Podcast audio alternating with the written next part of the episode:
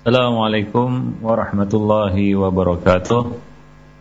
Innal hamdalillah nahmaduhu wa nasta'inuhu wa nastaghfiruh wa na'udzu billahi min shururi anfusina wa sayyiati a'malina. Man yahdihillahu fala mudilla lahu wa man yudlil fala hadiya lahu asyhadu an la ilaha illallah wahdahu la syarika lahu wa asyhadu anna muhammadan abduhu wa rasuluh يا أيها الذين آمنوا اتقوا الله حق تقاته ولا تموتن إلا وأنتم مسلمون أما بعد فإن أحسن الكلام كلام الله وخير الهدى هدى رسول الله صلى الله عليه وسلم وشر الأمور محدثاتها وكل محدثة بدعة وكل بدعة ضلالة وكل ضلالة في النار معاشر المسلمين para pemirsa TV Roja dan para pendengar Radio Roja yang dimuliakan Allah Subhanahu wa taala. Alhamdulillah segala puji bagi Allah Subhanahu wa taala yang telah memberikan kepada kita kesempatan dan kesehatan serta nikmat Islam dan nikmat iman pada kesempatan siang ini kita dapat bertemu kembali di dalam program kajian ilmiah kita masih membahas buku buku aktualisasi akhlak muslim. Mana pada kesempatan siang ini kita akan melanjutkan pembicaraan kita pada pertemuan yang lalu. Kita akan membicarakan tentang amanah salah satu akhlak yang wajib dimiliki oleh seorang mukmin. Dan itu merupakan bukti dari keimanannya kepada Allah Subhanahu wa taala yaitu amanah. Akhlak ini merupakan wujud dari manifestasi iman yang ada di dalam diri seorang mukmin yaitu dia memiliki sifat amanah. Nabi sallallahu alaihi wasallam mengatakan la iman liman la amanata lahu. Tidak ada iman bagi orang yang tidak memiliki sifat amanah. Jadi seorang mukmin adalah orang yang mampu untuk mengemban amanah, menunaikan amanah. Dan kita semua sebenarnya adalah pengemban amanah. Manusia terlahir sebagai pengemban amanah yang agung, yaitu sebagai hamba Allah yang bertugas mentauhidkan Allah Subhanahu wa taala. Wa ma khalaqtul jinna wal insa illa liya'budun. Tidaklah aku ciptakan jin dan manusia melainkan untuk menyembahku semata, yaitu mentauhidkan Allah dalam bentuk ibadah-ibadah yang hanya dia berikan kepada Allah Subhanahu wa taala semata tidak dia sekutukan Allah di dalam ibadahnya itu dengan yang lain. Langit, bumi, bahkan gunung-gunung sekalipun tidak sanggup memikulnya karena khawatir dapat menunaikannya dengan baik. Sementara manusia yang penuh dengan kelemahan bersedia untuk memikulnya Apabila manusia menjalankan sesuai dengan kehendak Allah, niscaya dia menjadi makhluk yang paling mulia. Ia akan mendapat ridha Allah Subhanahu wa taala. Namun apabila dia mengkhianatinya, maka ia akan menjadi makhluk yang sangat hina, yang sangat celaka di dunia maupun di akhirat. Allah Subhanahu wa taala mengatakan di dalam kitabnya dalam surat Al-Ahzab ayat 72 Inna arabna al-amanata 'ala as-samawati wal ardi wal jibal fa abayna ay yahmilnaha wa ashfaqna minha wa hamalaha al-insan. Innahu kana zaluman jahula. Sungguh kami telah menawarkan amanah kepada langit, bumi dan gunung-gunung. Tetapi semuanya enggan untuk memikul amanah tersebut.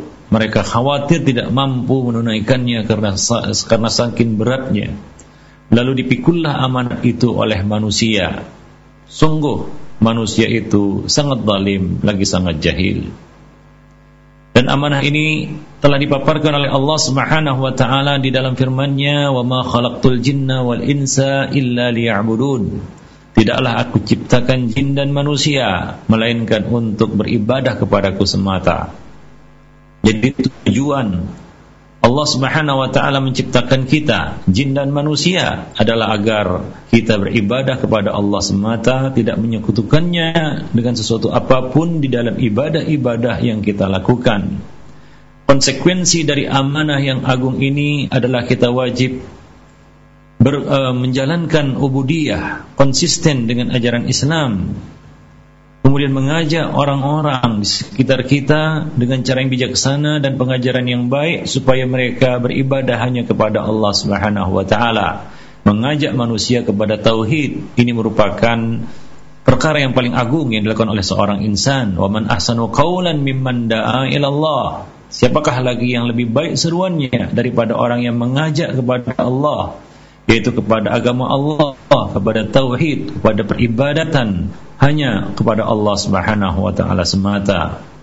Dan kita mesti menyadari bahwa semua kewajiban, perintah, larangan di dalam agama ini adalah amanah yang Allah pikulkan di pundak kita dan sudah menjadi kewajiban kita untuk berusaha sekuat tenaga menjalankan amanah yang agung itu dengan sebaik-baiknya, dengan sepenuh hati, dengan setulus-tulusnya. Kita mesti ingat apabila kita menjalankan agama ini dengan penuh ketaatan, ketundukan, maka kebaikannya, kemaslahatannya itu akan kembali kepada diri kita sendiri. Begitu pula apabila kita durhaka, maka keburukannya akan kembali pada diri sendiri. Waman asaf 'alaiha Barang siapa yang berbuat buruk, maka keburukan itu akan kembali akibatnya kepada dirinya sendiri. Allah Subhanahu wa taala sama sekali tidak diuntungkan dengan ketaatan yang kita lakukan dan juga tidak rugi sama sekali oleh kedurhakaan yang kita lakukan. Dalam sebuah hadis hadis qudsi yang sahih yang diriwayatkan oleh Imam Muslim dari Abu Dzar Al-Ghifari Allah Subhanahu wa taala berkata, "Ya ibadi, law anna awwalakum wa akhirakum wa insakum wa jinnakum kana ala atqa qalbi rajulin wahidin minkum ma zada fi mulki syai'a." Ya ibadi, law anna awwalakum wa akhirakum wa insakum wa jinnakum kanu ala afjari qalbi rajulin wahidin ma naqasa min mulki syai'a. Wahai hamba-hambaku, Sekiranya orang yang pertama sampai yang terakhir dari kamu Manusia serta jin seluruhnya Bertakwa sepaling paling takwa di antara kamu Niscaya tidak akan menambah sedikit pun dari kerajaanku. Wahai hamba-hambaku Sekiranya orang yang pertama sampai yang terakhir dari kamu Manusia serta jin seluruhnya berperilaku jahat seperti orang yang paling jahat di antara kamu, niscaya tidak akan mengurangi sedikit pun kerajaanku. Allah Subhanahu wa taala sama sekali tidak mendapatkan keuntungan dari ketaatan-ketaatan yang kita lakukan. Bahkan ketaatan-ketaatan itu akan kembali kebaikannya, keuntungannya, kemaslahatannya bagi kita. Kitalah yang memerlukan ketaatan itu, bukan Allah Subhanahu wa taala. Kitalah yang memerlukan amal saleh itu, bukan Allah Subhanahu wa taala. Maka ketika kita mengerjakan amal saleh, janganlah kita merasa terbani seolah-olah itu kita lakukan untuk kepentingan Allah. Allah sama sekali tidak memiliki kepentingan sedikit pun dari ibadah-ibadah yang dilakukan oleh hamba-hambanya tapi itu merupakan tugas, itu merupakan konsekuensi dari tauhid yang Allah Subhanahu wa taala amanahkan kepada mereka, kepada manusia, yaitu mereka harus menegakkan nilai-nilai ubudiyah di dalam hidup mereka, di dalam kehidupan mereka di atas muka bumi ini. Demikianlah Allah Subhanahu wa taala menjelaskannya kepada kita semua agar kita menyadari bahwa sebagai hamba Allah kita wajib untuk melaksanakan dan menegakkan ubudiyah kita kepada Allah Subhanahu wa taala dan itu merupakan amanah terbesar yang Allah Subhanahu wa taala pikulkan di pundak kita semua. Maka janganlah kita merasa terbebani ketika kita melaksanakan kewajiban-kewajiban itu. Janganlah kita merasa berat ketika kita melaksanakan kewajiban-kewajiban tersebut. Sungguh Allah Subhanahu wa taala tidak mengambil sedikit pun keuntungan dan tidak menambah kerajaan Allah sedikit pun dari ketaatan-ketaatan yang kita lakukan. Dan apabila kita melakukan kejahatan, durhaka kepada Allah Subhanahu wa taala, melakukan perbuatan maksiat dari A sampai Z, itu tidak akan merugikan Allah sedikit pun, tidak mengurangi kerajaan Allah Subhanahu wa taala sedikit pun. Maka kita adalah pengemban amanah yaitu amanah tauhid yang mesti kita tunaikan kepada Allah Subhanahu wa taala dan itu adalah amanah yang besar. Ketika kita lahir di dunia ini kita lahir membawa tauhid. Kullu mauludin yuladu alal fitrah. Setiap bayi yang lahir keluar dari rahim ibunya dia lahir dia muncul ke dunia di atas fitrah yaitu fitratut tauhid. Dia lahir dengan membawa tauhid, dia ber, e, berkewajiban untuk menjaga tauhid ini sampai dia bertemu kembali dengan Allah Subhanahu wa taala. Jangan dia rusak segel tauhid ini sampai dia bertemu dengan Allah. Wala tamutunna illa wa antum muslimun. Janganlah kamu sekali-kali mati kecuali kamu dalam keadaan muslim yaitu muwahhid bertauhid kepada Allah Subhanahu wa taala yang mana itu merupakan syarat mutlak untuk masuk ke dalam surga Allah Subhanahu wa taala. Jangan sekali-kali bermimpi masuk surga Allah Subhanahu wa taala tanpa membawa tauhid ke hadapan Allah Subhanahu wa taala. Itulah amanah terbesar yang yang kita pikul selaku manusia yaitu amanah tauhid. Di antara bentuk amanah yang mesti ditunaikan oleh seorang mukmin adalah amanah sebagai pemimpin. Disadari atau tidak, kita semua adalah pemimpin. Laki-laki maupun perempuan adalah pemimpin. Maka itu sejatinya setiap kita harus menjaga amanah kepemimpinan ini. Karena kelak kita harus mempertanggungjawabkannya di hadapan Allah Subhanahu wa taala. Nabi sallallahu alaihi wasallam mengatakan dalam sebuah hadis yang sahih yang diriwayatkan oleh al-Imam Al-Bukhari dan Muslim dari sahabat yang mulia Abu Hurairah radhiyallahu anhu Nabi mengatakan ala kullukum ra'in wa kullukum mas'ulun an ra'iyatihi Setiap kamu adalah pemimpin kamu semua adalah pemimpin dan kamu semua akan ditanya tentang apa yang dipimpinnya. Fal imamul ladzi 'alan nas ra'in wa huwa mas'ulun an ra'iyati. Amir, sultan, presiden, perdana menteri, raja atau apa pun namanya adalah penguasa bagi manusia, pemimpin bagi manusia dan dia akan ditanya tentang rakyatnya. Dia akan ditanya tentang rakyatnya. Begitu berat tugas sebagai seorang pemimpin, pemimpin manusia. Di bawahnya banyak manusia-manusia yang berada di bawah kekuasaannya. Maka dia akan ditanya kelak pada hari kiamat tentang apa yang dipimpinnya, rakyat yang dipimpinnya. Sangkin beratnya amanah kepemimpinan ini dahulu para salaf saling menolak berusaha untuk agar amanah ini tidak dibebani di atas pundaknya mereka berusaha untuk menghindar agar amanah yang berat ini tidak terbebani di atas pundak mereka maka dari itu Nabi Shallallahu Alaihi Wasallam melarang kita untuk meminta-minta jabatan, meminta-minta kedudukan. Itulah suatu yang harusnya dihindari oleh seorang mukmin yang mengerti betapa berat amanah yang akan dipertanggungjawabkannya nanti di hadapan Allah Subhanahu wa taala. Ingat kita akan ditanya tentang apa yang dipimpin apa yang kita pimpin. Tidak akan bisa pas dari tanggung jawab tersebut di hadapan Allah Subhanahu wa taala. Kemudian Nabi sallallahu alaihi wasallam menjelaskan warrajulu ra'in ala ahli baitihi wa huwa mas'ulun ra'iyatih. Seorang laki-laki, seorang suami, seorang ayah adalah pemimpin bagi keluarganya dan dia akan ditanya tentang apa yang dipimpinnya, tentang anak istrinya. apa pun yang terjadi pada anak istrinya maka yang akan dihenti di hadapan Allah Subhanahu wa taala bukan yang lain bukan orang lain dia tidak dapat mengelak dari tanggung jawabnya. Dia akan dimintai bertanggungjawaban di hadapan Allah Subhanahu wa taala. Maka menjadi orang suami menjadi seorang ayah itu adalah satu amanah yang harus kita pikul dengan baik. Dan kelak kita akan dimintai pertanggungjawaban atas apa yang kita pimpin.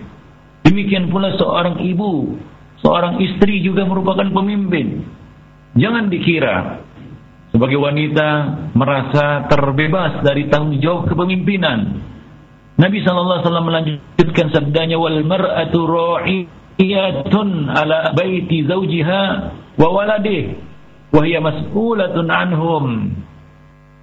Dan seorang wanita sebagai ibu sebagai seorang istri adalah pemimpin di dalam rumah suaminya. Kalau suami berada di rumah, maka dialah pemimpin di dalam rumah itu. Dan dia adalah pemimpin bagi anak-anaknya. Wa waladi. Dan dia adalah pemimpin bagi anak-anaknya. Maka dia akan ditanya wahia mas'ulatun anhum? Dia akan ditanya tentang apa yang dipimpinnya. Bagaimana dia menjalankan kewajibannya sebagai ibu rumah tangga kewajiban-kewajiban untuk mengurus rumah tangga sebagai seorang istri. Dan dia juga akan ditanya tentang kewajibannya sebagai seorang ibu. Bagaimana dia mendidik anak-anaknya. Jadi kita semua laki-laki maupun wanita adalah pemimpin yang akan ditanya tentang apa yang kita pimpin. Amanah kepemimpinan adalah amanah yang berat. Maka bagi pemimpin rakyat hendaknya ia betul-betul menjalankan amanah ini sebaik-baiknya Sebab Rasulullah sallallahu alaihi wasallam mengatakan, "Ma min 'abdin yastar'il yastar'ihi Allahu ra'iyatan yamutu yawma yamutu wa huwa ghashun li ra'iyatihi illa harramallahu alaihi al-jannah." Apabila seorang hamba diamanahi oleh Allah Subhanahu wa taala untuk memimpin suatu rakyat Kemudian dia mati dalam kondisi menipu, mencurangi rakyatnya, zalim terhadap rakyatnya, maka Allah mengharamkan surga baginya. Allah Subhanahu wa taala mengharamkan surga baginya. Hadis riwayat Bukhari dan Muslim.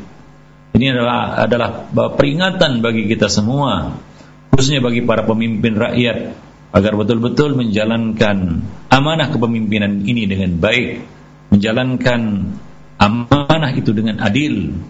Karena salah satu di antara manusia yang akan dilindungi akan dinaungi oleh Allah Subhanahu wa taala pada hari kiamat salah satu di antara tujuh manusia yang akan dilindungi dan dinaungi pada hari kiamat adalah al-imamul adil imam pemimpin yang berlaku adil yang menjalankan amanah sebagai seorang pemimpin.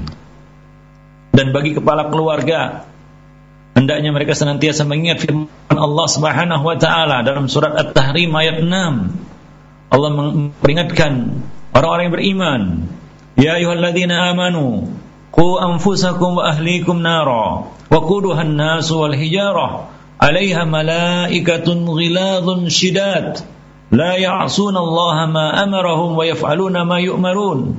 Wahai orang-orang yang beriman, jagalah dirimu dan keluargamu dari api neraka yang bahan bakarnya adalah manusia dan bebatuan. Penjaganya adalah malaikat-malaikat yang kasar lagi keras yang tidak durhaka kepada Allah terhadap apa yang diperintahkan kepada mereka dan selalu mengerjakan apa yang diperintahkan tersebut.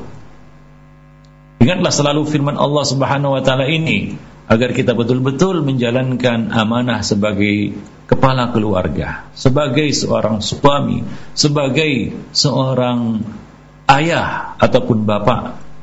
Sebagai seorang suami janganlah sampai kita menjadi suami yang dayus yang tidak akan mencium bau surga pada hari kiamat. Suami yang dayus adalah suami yang membiarkan kemungkaran terjadi di tengah-tengah keluarganya. Dia membiarkannya saja tidak ada kecemburuannya terhadap keluarganya, tidak ada kecemburuannya terhadap anak istrinya. Di dia akan tergolong sebagai suami yang dayus yang Allah haramkan atasnya aroma surga.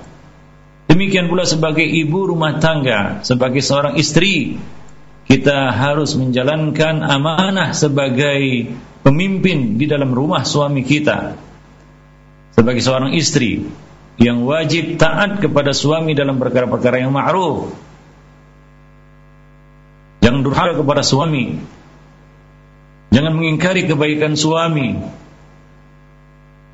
Demikian juga sebagai seorang ibu, dia juga tidak bisa lepas dari pendidikan anak-anaknya. Dia adalah madrasah dan sekolah bagi anak-anaknya. Demikianlah para pemirsa TV Roja dan para pendengar Radio Roja yang dimuliakan oleh Allah Subhanahu wa taala. Masing-masing kita semua ini adalah pemimpin dan kita akan dimintai pertanggungjawaban di hadapan Allah terhadap apa yang kita pimpin. Bahkan kita adalah pemimpin bagi diri kita sendiri. Mulai dari ujung rambut sampai ujung kaki. Itu di bawah kepemimpinan kita. Dan kita akan mempertanggungjawabkannya. Sebelum mereka semua akan bersaksi nanti di hadapan Allah Subhanahu wa taala. Tangan dan kaki akan berbicara. Semua anggota tubuh akan menjadi saksi bagi kita. Karena kitalah pemimpinnya kita yang menggerakkan mereka. Apabila mereka semua kita gerakkan untuk berbuat durhaka kepada Allah Subhanahu wa taala, maka mereka serempak akan bersaksi di hadapan Allah. Kaki akan tangan akan berkata, "Ya Allah, si fulan telah menggunakanku untuk mencuri, untuk memukul, untuk berbuat zalim, untuk berbuat jahil." Kaki akan berkata, "Ya Allah, si fulan telah menggunakanku untuk melangkahkan aku ke tempat-tempat maksiat. Pada perkara-perkara tempat-tempat yang mendatangkan murka Allah Subhanahu wa taala untuk menzalimi orang, untuk menendang orang. Demikian pula semua mata, telinga, lisan akan bersaksi di hadapan Allah Subhanahu wa taala. Karena kitalah pemimpinnya Kitalah yang kuasa, diberikan kuasa oleh Allah Subhanahu wa taala untuk mempergunakannya. Coba lihat lisan kita. Adakah lisan meminta persetujuan orang lain untuk berbicara? Atau kitalah yang menggerakkannya? Kitalah penguasanya, kitalah pemimpinnya dan kita yang menggerakkannya tanpa perlu minta izin kepada orang lain untuk menggerakkannya. Karena pemimpinnya bukan orang lain tapi kita. Demikian juga tangan, kaki dan lain sebagainya. Jadi kita adalah pemimpin bagi diri kita. Dan kita wajib menunaikan amanah kepemimpinan tersebut. Jadi jabatan kepemimpinan itu adalah amanah yang mesti kita tunaikan dengan baik dan kita akan mempertanggungjawabkannya di hadapan Allah Subhanahu wa taala. Demikian pula harta adalah titipan dan amanah pada masa sekarang ini hampir sulit ditemukan muslim yang benar-benar amanah dalam urusan harta. Muamalah yang berkaitan dengan harta sering menjadi tidak jelas dan dipenuhi dengan penyelewengan. Padahal di sisi Allah Subhanahu wa taala dunia dan seisinya lebih hina daripada sehelai sayap nyamuk. Akhiratlah yang akan kekal. Wal akhiratu khairu wa abqa Adapun kehidupan akhirat adalah lebih baik dan lebih kekal. Ma indakum yanfad wa ma indallahi. Apa-apa yang ada di sisimu akan hilang, akan musnah, akan berakhir, akan berpisah dari kita dan apa yang ada di sisi Allah akan abadi. Akan kekal. Demikianlah dan satu tempat di surga yang hanya seukuran cemeti jauh lebih baik daripada dunia dan seisinya. Tempat di surga yang ukurannya hanya satu cemeti itu jauh lebih baik daripada dunia dan seisinya. Lalu mengapa manusia begitu tamak terhadap harta? Yang lebih buruk lagi dia tamak terhadap harta orang lain hingga berani mengambil yang bukan miliknya, yang bukan haknya dengan cara yang batil. Orang yang meminjam barang begitu mudah namun lupa mengembalikannya. Orang yang berhutang dengan gampang lalu gampang pula melupakan hutangnya. Dan orang yang diberi amanah harta tapi tidak menjaganya dengan baik, tentu akhlak yang demikian sangat jauh dari teladan yang diberikan oleh Rasulullah sallallahu alaihi wasallam. Jadi harta itu adalah amanah, titipan dari Allah Subhanahu wa taala. Tidak akan bergeming tapak kaki seorang hamba hingga dia akan ditanya dua pertanyaan berkenaan dengan hartanya. Dari mana dia peroleh hartanya itu dan ke mana dia belanjakan. Kalaulah seandainya seorang hamba lulus, lolos dari pertanyaan pertama tentang harta, yaitu dia benar-benar mengambil harta itu, mencari harta itu, mendapatkan harta itu dengan cara yang halal. Namun belum tentu dia selamat dari pertanyaan yang kedua, yaitu ke mana? Fima anfaqa, fima wadu'ah. Ke mana dia letakkan harta itu? Ke mana dia belanjakan harta itu? Untuk apa dia belanjakan harta itu? Maka rezeki itu tidak cukup halal, tapi tayyiban, bermanfaat, nafian, bagi kita bukan justru menjadi bumerang, menjadi senjata makan tuan bagi pemiliknya. Itu ketika pemiliknya menggunakannya untuk bermaksiat kepada Allah Subhanahu wa taala. Coba kita perhatikan pada malam peristiwa hijrah Rasulullah sallallahu alaihi wasallam Ali bin Abi Thalib radhiyallahu anhu di rumah beliau dan berpesan agar Ali bin Abi Thalib mengembalikan seluruh barang-barang orang-orang musyrik yang dititipkan kepada beliau. Orang-orang musyrik itu menitipkan harta-harta mereka kepada Nabi sallallahu alaihi wasallam. Ini salah satu pekerjaan yang dilakukan oleh Nabi yaitu jasa menyimpan menjadi tempat penyimpanan bagi harta-harta berharga milik orang-orang musyrik. Nah, ketika beliau hendak hijrah ke Madinah, beliau tidak menyia-nyiakan amanah ini. Beliau mengembalikan amanah ini kepada pemilik-pemiliknya. Ini adalah satu akhlak yang mesti kita teladani dari Nabi kita Muhammad sallallahu alaihi wasallam. Padahal selama ini mereka lah orang musyrik itulah yang menyakiti dan menghina beliau, menyiksa sahabat-sahabat beliau, mereka juga yang menyusun untuk membunuh beliau, untuk melenyapkan beliau. Meskipun begitu, Nabi Shallallahu Alaihi Wasallam tetap bersifat amanah dan bertekad untuk mengembalikan titipan-titipan tersebut kepada pemiliknya. Jadi eh, kebencian mereka tidak menghalangi beliau untuk menunaikan amanah. Amanah tetap amanah hutang tetap hutang meskipun kepada orang-orang non muslim karena ada sebagian orang berasumsi nah ini orang non muslim maka dia bermuamalah seenaknya tidak menjaga amanah bahkan sering berbuat khianat.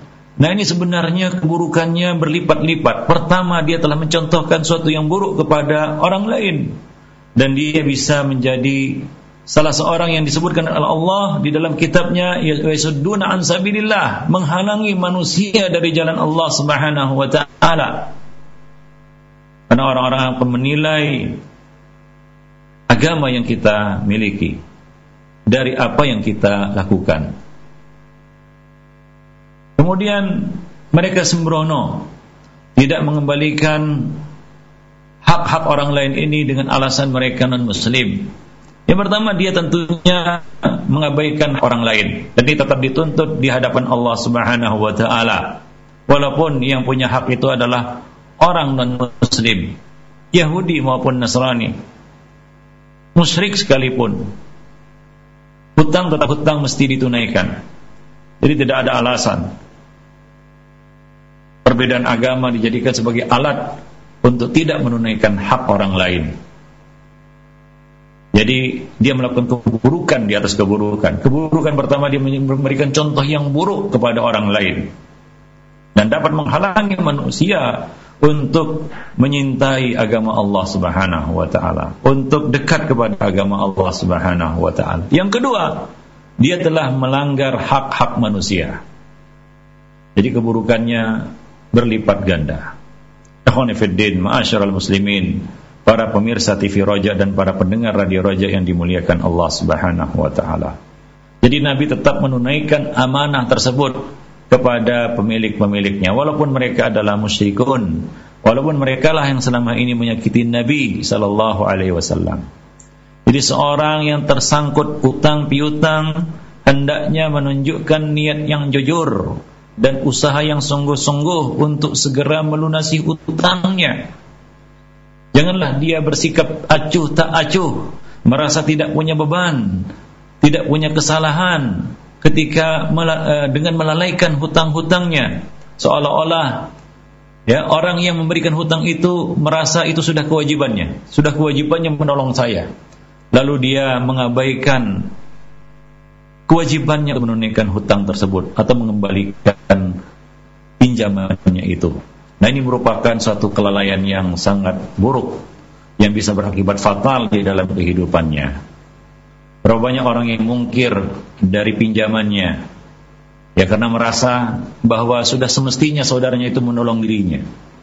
Banyak orang-orang yang bertanya, Ustadz, saya punya hutang, tapi nggak tahu lagi ke mana perginya orang yang telah memberi saya. Maka kita menjawabnya. Ada dua kemungkinan. Yang pertama, kita sudah berusaha untuk melunasi hutang kita dengan misalnya menanyakan alamat orang yang telah memberikan jasa kebaikan kepada kita itu memberikan pinjaman kepada kita. Kalau sekarang ada nomor HP ada ada email, ada WhatsApp yang dapat kita berhubungan dengannya dan kita dapat mengetahui keberadaannya. Orang yang telah berjasa dan berbuat baik kepada kita dengan memberikan pinjaman. Satu, itu kemungkinan yang pertama. Jadi kita sudah berusaha untuk menunaikannya, tapi ternyata mungkin dia hilang, pergi entah ke mana, nggak terlacak. Sementara nomor HP-nya tidak dihubungi. Datang ke alamatnya, ternyata sudah pindah. Bukan kita tidak tahu alamatnya. Dan kita senantiasa berhubungan dengannya. Dan mencari tahu tentang keberadaannya. Ya tentang kabarnya. Nah kalau itu semua sudah kita lakukan. Ternyata orang yang telah berbuat baik kepada kita itu hilang entah ke mana. Barulah ini dapat dibenarkan. Pertanyaan seperti ini. Tapi kalau lama ini ternyata kita lalai kita tidak peduli dengan orang yang telah membantu kita, memberikan hutangan, pinjaman kepada kita, tidak bertanya tentang di mana tempat tinggalnya, tidak bertanya nomor HP-nya berapa, tidak pernah follow up, tidak pernah menanyakan, tidak pernah memberikan uzur. Misalnya kita belum mampu untuk melunasi hutang, kita kita kita hubungi dia, Maaf, itu bulan ini saya belum bisa melunasi, sudah, sudah jatuh tempo misalnya kita minta penangguhan dan lain sebagainya. Kita lalai. Kita diam-diamkan saja, acuh tak acuh, hingga akhirnya dia hilang. Nah di sini ada bentuk kelalaian dari kita. Kita tidak bersyukur berterima kasih kepada manusia. Nabi mengatakan malam yaskurin nas la yaskurillah barang siapa yang tidak berterima kasih kepada manusia maka dia belum bersyukur kepada Allah Subhanahu wa taala sementara orang-orang yang tidak bersyukur kepada Allah Subhanahu wa taala diancam adab Allah Subhanahu wa taala mengatakan la in syakartum la azidannakum wa la in kafartum inna adabi lasyadid jika kamu bersyukur maka aku akan tambah nikmatku kepadamu namun jika kamu kufur nikmat tidak bersyukur artinya maka tunggulah adabku sangat pedih.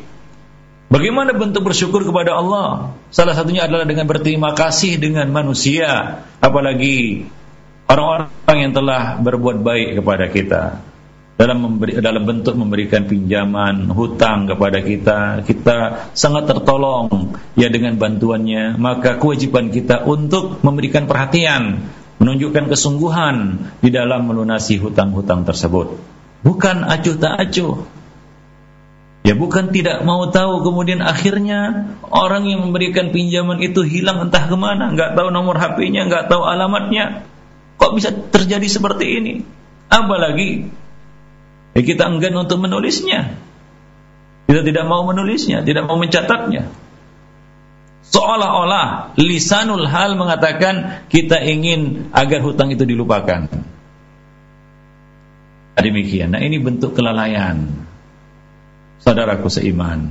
Maka dari itu ini adalah amanah. Harta itu adalah amanah. Coba lihat Nabi Shallallahu Alaihi Wasallam teladan kita. Bagaimana beliau menunaikan amanah ya kepada para pemiliknya. Inna Allah yamurukum antu adul amanati ila ahliha. Allah Subhanahu wa taala menyuruh kamu untuk menunaikan amanat kepada pemiliknya.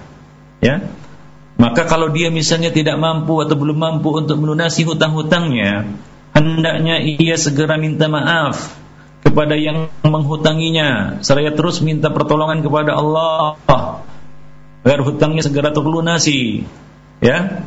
Sebab jika seorang hamba berniat dengan sungguh-sungguh untuk melunasi hutangnya, maka Allah Subhanahu wa taala akan membantunya. Nabi sallallahu alaihi wasallam bersabda dalam sebuah hadis yang diriwayatkan oleh Imam Bukhari dari Abu Hurairah radhiyallahu anhu. Nabi mengatakan man akhadha amwalan nas yuridu adaaha addallahu anhu wa man akhadha yuridu itlafaha atlafahu Allah Barang siapa meminjam harta orang lain dengan niat akan melunasinya, niscaya Allah akan membantu melunasinya. Akan turun pertolongan Allah Subhanahu wa taala. Apalagi dia senantiasa berdoa kepada Allah Subhanahu wa taala, Allahumma kfini bihalalika haramika waghnini bifadlika amman siwak. Doa yang diajar, diajarkan oleh Nabi sallallahu alaihi wasallam untuk agar Allah Subhanahu wa taala membantu kita di dalam melunasi hutang-hutang kita.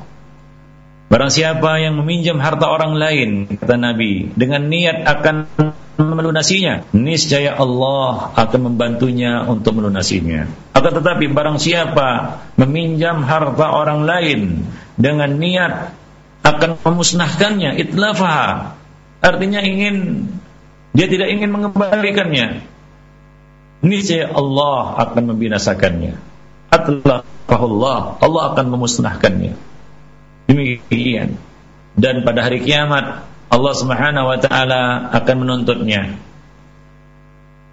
Dan dia akan dituntut oleh orang-orang yang punya hak tersebut. Dan urusan di akhirat bukanlah urusan yang mudah. Di sana ada orang yang bangkrut. Orang yang muflis. Akan ambil. Akan semua pahala-pahala karena terlalu banyak kedolimannya. Salah satunya adalah akhadha hada, dia telah mengambil harta orang lain dan dia tidak kembalikan. Maka Allah Subhanahu wa taala akan mengambil kebaikan-kebaikannya dan akan menyerahkan kepada orang-orang yang telah dizaliminya. Di akhirat tidak ada lagi dinar dan dirham untuk bayar hutang tapi yang dipakai untuk membayar melunasinya adalah pahala-pahala kebaikan kita. Maka jangan sampai menjadi orang yang muflis yang datang dengan membawa pahala salat, puasa dan zakat namun habis. Diberikan kepada orang lain untuk melunasi hutang-hutang kezaliman. Kemudian dia diseret dan dilemparkan ke dalam api neraka wal billah Demikian juga dalam riwayat yang lain. Nabi sallallahu alaihi wasallam mengatakan, "Man akhadha dainan yuridu an yu'addiyahu, a'ana Allahu azza wa jalla, a'anahu Allahu azza wa jalla." Barang siapa berhutang dengan niat melunasinya, bertekad untuk melunasinya, niscaya Allah Subhanahu wa taala akan membantu untuk pelunasan hutangnya, akan membantu dia di dalam melunasi hutang-hutangnya. Hadis riwayat Nasai, Nasai dan disahihkan oleh Syekh Al-Albani dalam Sahih Jami' dari sahabiah yang mulia yaitu Maimunah radhiyallahu anha. Jadi barang siapa yang berhutang dia punya tekad untuk mengembalikannya, maka Allah Subhanahu wa taala akan membantunya ya di dalam melunasi hutang-hutangnya tersebut. Jadi harta adalah titipan dari Allah Harta adalah amanah yang mesti kita tunaikan dengan baik. Hakikatnya tidak ada yang kita miliki. Semua yang ada pada kita itu dari Allah. Wa ma bikum min ni'matin Allah. Apa pun nikmat yang ada padamu itu dari Allah Subhanahu wa taala. Sampai diri kita ini hakikatnya bukan milik kita, tapi milik Allah Subhanahu wa taala. Mata itu punya Allah. Kita punya amanah terhadap mata kita itu untuk kita gunakan menyaksikan melihat ayat-ayat Allah Subhanahu wa taala. Telinga juga demikian. Itu bukan milik kita, milik Allah Subhanahu wa taala. Allah yang menciptakannya. Kita dititipi telinga yang yang salah satu fungsinya amanahnya adalah kita gunakan untuk mendengarkan ayat-ayat Allah Subhanahu wa taala. Demikian pula semua anggota tubuh kita ini adalah milik Allah Subhanahu wa taala, titipan yang Allah amanahkan kepada kita semua yang kita berkewajiban untuk menggunakannya untuk taat kepada Allah Subhanahu wa taala. Nah, demikianlah para pemirsa TV Raja dan para pendengar Radio Raja yang dimuliakan oleh Allah Subhanahu wa taala. Akhlak yang mesti dimiliki oleh seorang mukmin yaitu amanah. Mudah-mudahan pada pertemuan yang akan datang kita dapat melanjutkan pembicaraan tentang amanah ini. Wabillahi taufiq wal hidayah. Wassalamualaikum warahmatullahi wabarakatuh. Waalaikumsalam warahmatullahi wabarakatuh. Barakallahu fikum wa jazakallahu khairan Ustaz. Terima kasih atas uh, faedah dan manfaat yang uh, Ustaz sampaikan di kesempatan siang hari ini dari pelajaran aktualisasi akhlak muslim mengenai amanah. Dan berikutnya ikhwatul Islam kami undang Anda yang ingin bertanya. Silahkan dapat menghubungi nomor kami di 0218236543 Atau Anda juga bisa mengirimkan pesan singkat Anda di 081317776543 Atau di 0819896543 Kita akan coba bacakan uh, pesan singkat saat yang telah masuk Di kesempatan siang hari ini dari Abdillah di Jakarta Ustadz, pernah saya eh, melayani seorang pembeli dan saya bekerja di toko. Pada saat saya pergi sejenak, kemudian orang tersebut telah mengambil uang kembalian yang saya berikan. Akan tetapi setelah saya hitung kembali, ternyata uang kembalian yang saya berikan kurang dan saya tidak tahu di mana orang itu berada dan namanya siapa. Bagaimana mengenai hal ini, Ustaz? Silakan. Ya, Eh, kalau tidak ada unsur kesengajaan dengan mengurangi kembalian tadi, maka sudah lepas tanggung jawab kita. Artinya tidak ada tang, uh, uh, kita katakan kesengajaan di sini untuk mengurangi hak orang lain. Ya, karena ya sesuatu yang tidak disengaja itu lepas dari tanggung jawab kita. Namun kita mohon ampun kepada Allah Subhanahu wa taala atas mungkin kekhilafan kita. Tapi tidak ada unsur kesengajaan. Ya, kita sudah berusaha untuk menunaikan haknya, tapi ternyata kurang. Kadang-kadang demikian, lebih, bisa juga kembaliannya lebih. Kadang-kadang kembaliannya kurang, tapi kita sudah berusaha, tidak ada unsur kesengajaan karena di sana ada sengaja. Sengaja dikurangi. Kalau pembeli uh, tidak teliti, yaitu tidak menghitungnya, lalu dia pembeli itu pergi, dia pun merasa senang karena dia dapat untung. Nah, kalau ada unsur kesengajaan, maka ini adalah satu bentuk kezaliman, dia telah mengambil hak orang lain dan dia mesti mengembalikannya. Kalau tidak ada unsur kesengajaan, maka selama dia mampu untuk menyerahkan hak ini kepada yang bersangkutan, misalnya dia kenal orang itu, maka dia harus mengembalikan hak tersebut kepada pemiliknya. Tapi kalau hilang, Ya la yukallifullahu nafsan illa wus'aha. Allah tidak membebani satu jiwa kecuali menurut kesanggupannya. Kita tidak mengenalinya. Konsumen itu, pembeli itu. Ternyata kita hitung-hitung kok kurang kembaliannya. Ada hak dia yang masih ada di tangan kita. Maka kalau kita ingin berbuat baik, kita sedekahkan itu atas namanya. Mudah-mudahan itu menjadi kebaikan bagi dia dan bagi kita itu apabila tidak ada unsur kesengajaan di situ. Tapi kalau ada unsur kesengajaan maka ini adalah suatu perbuatan zalim yang Allah Subhanahu wa taala akan tuntut kita pada hari kiamat. Ya karena sesuatu itu innamal a'malu binniyat wa innamal likulli imri'in manawa. Baik itu dalam perbuatan baik maupun perbuatan buruk innamal likulli imri'in manawa. Setiap orang akan mendapatkan apa yang dia niatkan, baik maupun buruk. Wallahu a'lam bissawab. Ya Ustaz, barakallahu fikum wa jazakallahu khairan dan berikutnya kami akan mengangkat satu penelpon yang telah masuk di kesempatan siang hari ini di 0218236543. Halo. Halo, Assalamualaikum. Waalaikumsalam dengan Bapak siapa di mana Waalaikumsalam. Dengan Rudi Ustaz di Jakarta. Silakan Pak Rudi pertanyaannya. Assalamualaikum Ustaz. Waalaikumsalam warahmatullahi wabarakatuh. Ya Ustaz. Uh, Ana lima tahun yang lalu kurang lebih Ana menemukan sebuah handphone. Handphone tersebut Ana tahu pemiliknya, tapi handphone itu adalah yang memiliki seorang polisi Ustaz. Iya. Jadi seorang polisi itu terkenal sangat ya buruk pengarainya gitu.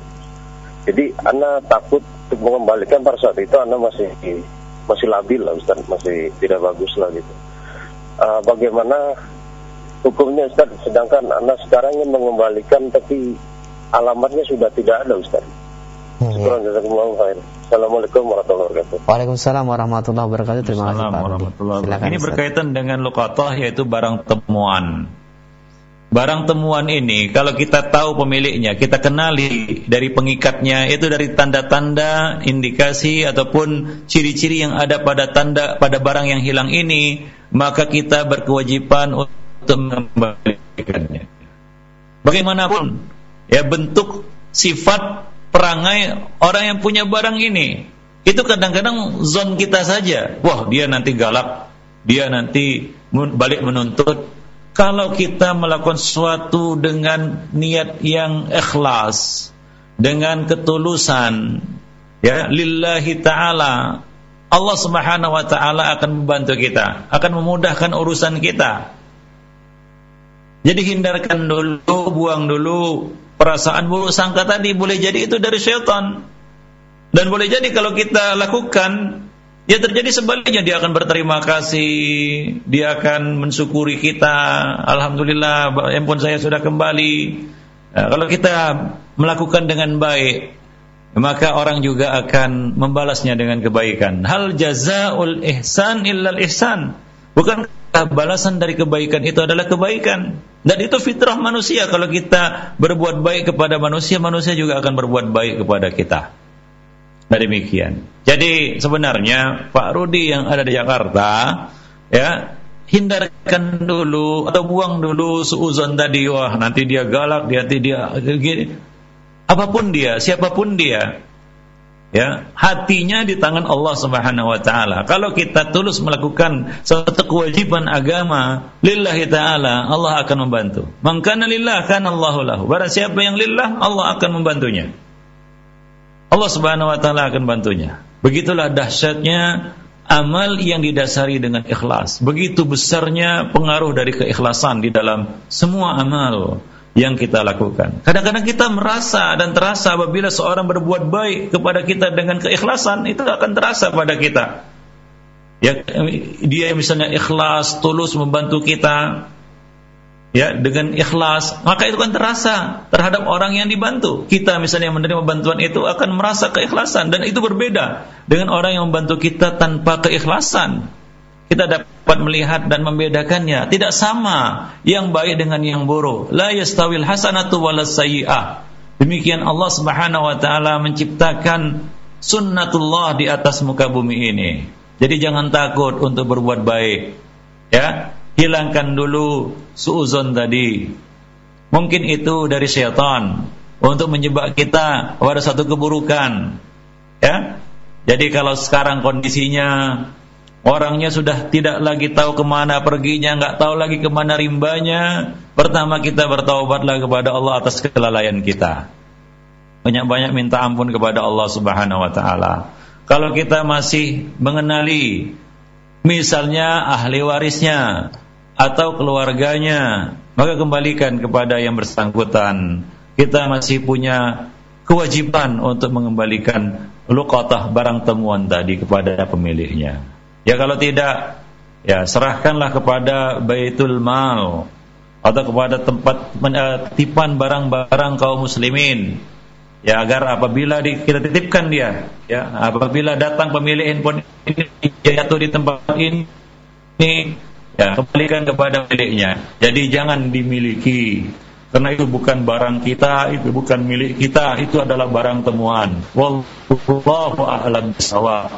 Ya, benarkan barang temuan itu selama satu tahun. Kalau tidak ada pemiliknya, maka lebih baik kita infakkan untuk kepentingan kaum muslimin. Wallahu a'lam bishawab. Jazakallahu khairan. Terima kasih atas nasihat dan penjelasannya. Berikut kami undang kembali di 0218236543. Telepon yang kedua. Halo. Ya, Assalamualaikum warahmatullahi wabarakatuh. Waalaikumsalam warahmatullahi wabarakatuh. Dengan Ibu siapa di mana? Uh, dari hamba Allah di Kalimantan Singkawang. Silakan Ibu pertanyaannya. Uh, ini saya punya tetangga. Uh, mungkin pertanyaannya agak uh, berbeda dengan tema tapi agak mendekati lah. Gini uh, gini Ustaz.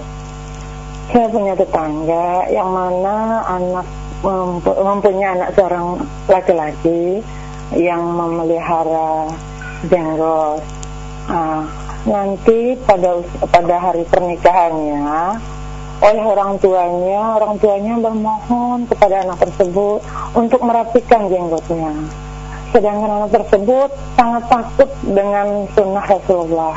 Pertanyaan saya, bagaimana apakah anak itu eh, berkaitan dengan akhlak mulia tadi, uh, apakah anak itu boleh mengikuti perkataan orang tuanya atau tetap dengan jalan uh, tidak mau memotong jenggotnya pada hari pernikahannya? Karena selama beberapa bulan ini hubungan anak tersebut dengan orang tuanya agak kurang baik. Dengan uh, anak itu tetap mengotot tidak mau memotong jenggotnya pada hari pernikahannya. Uh, untuk ini saya mohon penjelasan Ustaz, bagaimana seharusnya tindakan seorang anak tersebut. Saya rasa cukup sekian. Terima kasih Bu. Assalamualaikum warahmatullahi wabarakatuh. Waalaikumsalam warahmatullahi wabarakatuh. Ya, uh, mo mo mohon di apa namanya disimpulkan dari pertanyaannya. Baik, Ustaz. Intinya bahwasanya antara bapak dan anak terjadi uh, perselisihan dikarenakan anak yang ingin nikah ini harus disyaratkan oleh orang tuanya untuk memotong jenggotnya, sedangkan anak tersebut tidak mau, Ustaz. Bagaimana nasihat ya. agar anak tersebut uh, baik kembali dengan orang tuanya? Apakah dia nurut dengan orang tuanya atau tetap jalan dengan jenggotnya, Ustaz? Ya. Allah Subhanahu wa taala berfirman, "Wa in jahadaka 'ala an tusyrika bima laysa laka bihi 'ilm fala tuti'huma wa sahibhuma fid dunya ma'rufa." Dan apabila kedua orang tuamu bersungguh-sungguh memaksamu untuk berbuat syirik kepada Allah, berbuat durhaka kepada Allah, yang Allah tidak turunkan ilmu tentangnya, yaitu kebenaran tentangnya, maka jangan taati kedua orang tuamu di dalam maksiat kepada Allah. Akan tetapi wasahibhuma fid dunya ma'rufa. Bergaullah, bermuamalahlah kepada dua orang tuamu secara baik di dunia. Karena keduanya punya hak untuk diperlakukan dengan baik karena keduanya adalah sebab kita hadir di dunia. Allah telah memilih itu bagi kita maka dari itu, tolaklah dengan cara yang baik. Akan tetapi kita, kita tetap tidak boleh menaati keduanya di dalam berbuat maksiat kepada Allah walaupun keduanya mengancam misalnya kalau kamu tidak lakukan kamu durhaka. Jangan kita takut. Kalau itu maksiat kepada Allah Subhanahu wa taala karena memotong jenggot itu adalah melanggar sunnah Nabi, melanggar perintah Nabi. Ya, maka Nabi mengatakan la ta'ata li fi masyiatil khaliq. Tidak ada ketaatan kepada khaliq di dalam eh, tidak ketaatan akhon tidak ada ketaatan kepada maksiat kepada khaliq dalam berbuat durhaka kepada khaliq pencipta kita Allah Subhanahu wa taala. Innama ta'atu fil ma'ruf. Sesungguhnya ketaatan itu hanya di dalam perkara-perkara yang ma'ruf saja namun berbicaralah dengan lemah lembut. Jangan menghardik. Jangan mencela, jangan mencaci maki, jangan menyumpah serapah, janganlah berkata kasar kepada orang tua kita. Doakan mereka agar mendapat hidayah kepada agama, kepada Islam dan sunnah. Minta ampun kepada Allah bagi mereka. Mudah-mudahan dosa-dosa mereka diampuni dan berbicaralah kepadanya dengan perkataan yang mulia. Wa kullahuma qawlan karima. Berbicara kepada keduanya dengan kata-kata yang terhormat dan mulia. Kita tetap berkewajiban memberikan akhlak yang mulia, bersikap yang baik kepada kedua orang tua kita. Walaupun keduanya memaksa kita untuk berbuat maksiat kepada Allah Subhanahu wa taala. Namun ketaatan hanyalah kepada Allah Subhanahu wa taala. Hanyalah di dalam menaati Allah Subhanahu wa taala. Apabila mereka berdua menyuruh kita untuk maksiat kepada Allah, maka yang ditaati adalah Allah Subhanahu wa taala, bukan kedua orang tua. Wallahu a'lam bissawab. Mudah-mudahan Allah Subhanahu wa taala memberikan jalan keluar Nah ini kadang-kadang perlu komunikasi yang baik antara anak dan orang tua. Karena kalau kalau komunikasi tidak terjalin dengan baik, ya kadang-kadang banyak masalah itu muaranya adalah pangkalnya adalah miskomunikasi. Ya kurang komunikasi antara kedua belah pihak, antara ayah dan anak, kurang komunikasi hingga kadang-kadang mengedepankan don prasangka, praduga, ya. Eh ternyata yang kurang adalah belum dibicarakan secara terbuka. Ayah belum memahami anak, anak juga tidak dapat menerima orang tuanya. Nah ini kadang-kadang nggak nyambung, miskoneksi, tidak ada ketersambungan antara ayah dan anak. Nah ini perlulah. Dan juga sebagai anak ya kita mesti punya kewajiban untuk berdakwah kepada orang tua. Jangan dikagetkan dengan sesuatu yang pada hari hanya barulah itu dibicarakan ya. Nah jadi perlu komunikasi yang lancar dan baik antara keduanya. Karena tidak ada masalah yang tidak bisa diselesaikan kalau kita berani untuk membicarakannya berani untuk menyelesaikannya ya karena lari dari masalah bukanlah sifat seorang kesatria seorang kesatria maju untuk menyelesaikan masalah. Walaupun itu dengan kedua orang tuanya, ya, itu bisa diselesaikan dengan cara yang baik, dengan cara yang hikmah dan bijaksana. Wallahu a'lam bissawab. Nah demikianlah para pemirsa TV Roja dan para pendengar Radio Roja yang dimuliakan Allah Subhanahu wa taala. Pertemuan kita pada siang ini mudah-mudahan bermanfaat bagi diri saya dan bagi para pemirsa sekalian dan para pendengar sekalian. Lebih dan kurang saya mohon maaf kalau ada kata-kata yang kurang berkenan dan menyinggung perasaan yang benar datangnya dari Ar-Rahman yang salah dari saya dan dari syaitan wabillahi nasta'in wa alaihi tuqlan. Wabillahi taufiq wal hidayah. Assalamualaikum warahmatullahi wabarakatuh